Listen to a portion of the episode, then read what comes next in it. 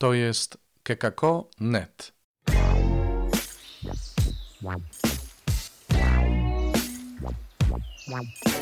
Poranny suplement diety. Komentarz ojca Alvaro Gramatika do Ewangelii według świętego Mateusza, rozdział drugi, wersety od pierwszego do dwunastego, na uroczystość objawienia pańskiego 6 stycznia 2022 roku. Gdy zaś Jezus narodził się w Betlejem w Judei za panowania króla Heroda, oto mędrcy ze wschodu przybyli do Jerozolimy i pytali, gdzie jest nowonarodzony król żydowski? Ujrzeliśmy bowiem jego gwiazdę na wschodzie i przybyliśmy oddać mu pokłon. Skoro to usłyszał król Herod, przeraził się, a z nim cała Jerozolima. Zebrał więc wszystkich arcykapłanów i uczonych ludu i wypytywał ich, gdzie ma się narodzić Mesjasz. Ci mu odpowiedzieli, w Betlejem Judzkim, bo tak napisał prorok. A ty, Betlejem, ziemio Judy, nie jesteś zgoła najlichsze spośród głównych miast Judy, albowiem z ciebie wyjdzie władca, który będzie pasterzem ludu mego Izraela. Wtedy Herod przywołał potajemnie mędrców i wypytał ich dokładnie o czas ukazania się gwiazdy.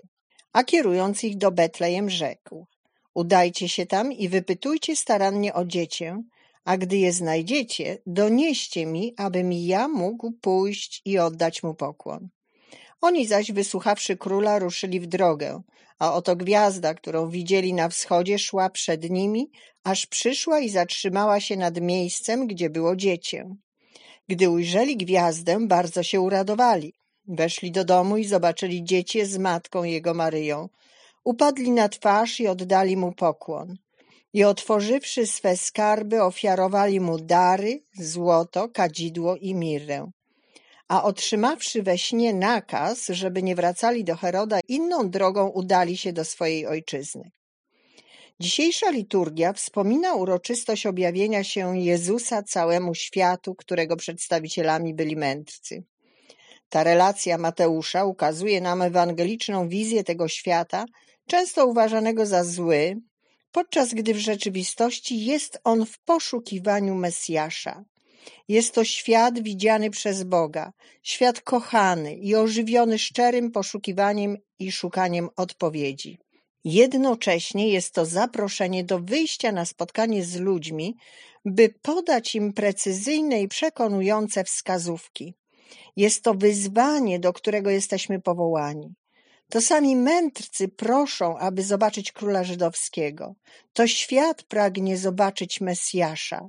Wydaje się, że świat wie, że musi być jakiś król, pan, mesjasz, który przychodzi człowiekowi z pomocą. To nie jest świat ateistyczny. Nie ma bowiem człowieka, który nie miałby w sercu tęsknoty za nadzieją na pomoc silniejszego od siebie. Ta tęsknota jest pierwotną wiarą, która jest w sercu każdego człowieka. Świat nie jest taki zły, prosi tylko o odpowiedzi. Następnie są kapłani i uczeni w piśmie, którzy zapytani o miejsce narodzin Mesjasza dali właściwe wskazówki, ale nic więcej. Chociaż wiedzieli, nie towarzyszyli mędrcom do Betlejem. Często zatrzymujemy się na roli wskazujących prawdę, nie stając się towarzyszami drogi, ale to nie wystarczy, aby znaleźć Mesjasza. Musimy stać się jak gwiazda, która nie tylko wskazywała miejsce, ale także towarzyszyła. A mędrcy poczuli wielką radość. Oto prawdziwe znaczenie tego święta. Tylko wtedy, gdy jesteśmy gotowi towarzyszyć obcemu, możemy dojść do autentycznego oddawania czci. Mesjasza znajduje się w takim stopniu, w jakim idziemy razem, i wszyscy będziemy mieli wielką radość. Najbardziej przekonującą odpowiedzią jest towarzyszenie, wspólne podążanie drogą życia. Wtedy znajdziemy Mesjasza, który czeka na nas i będziemy pobłogosławieni radością. Tym, czego człowiek szuka, jest towarzyszenie mu w drodze do Jezusa. Idźmy razem, podtrzymywani wspólnym pragnieniem spotkania Jezusa. Będziemy prawdziwą gwiazdą, która towarzyszy, oświetla i daje radość. To był poranny suplement diety. Czytajcie Słowo Boże, dzielcie się nim, na przykład pisząc na adres redakcja małpa.kekako.net.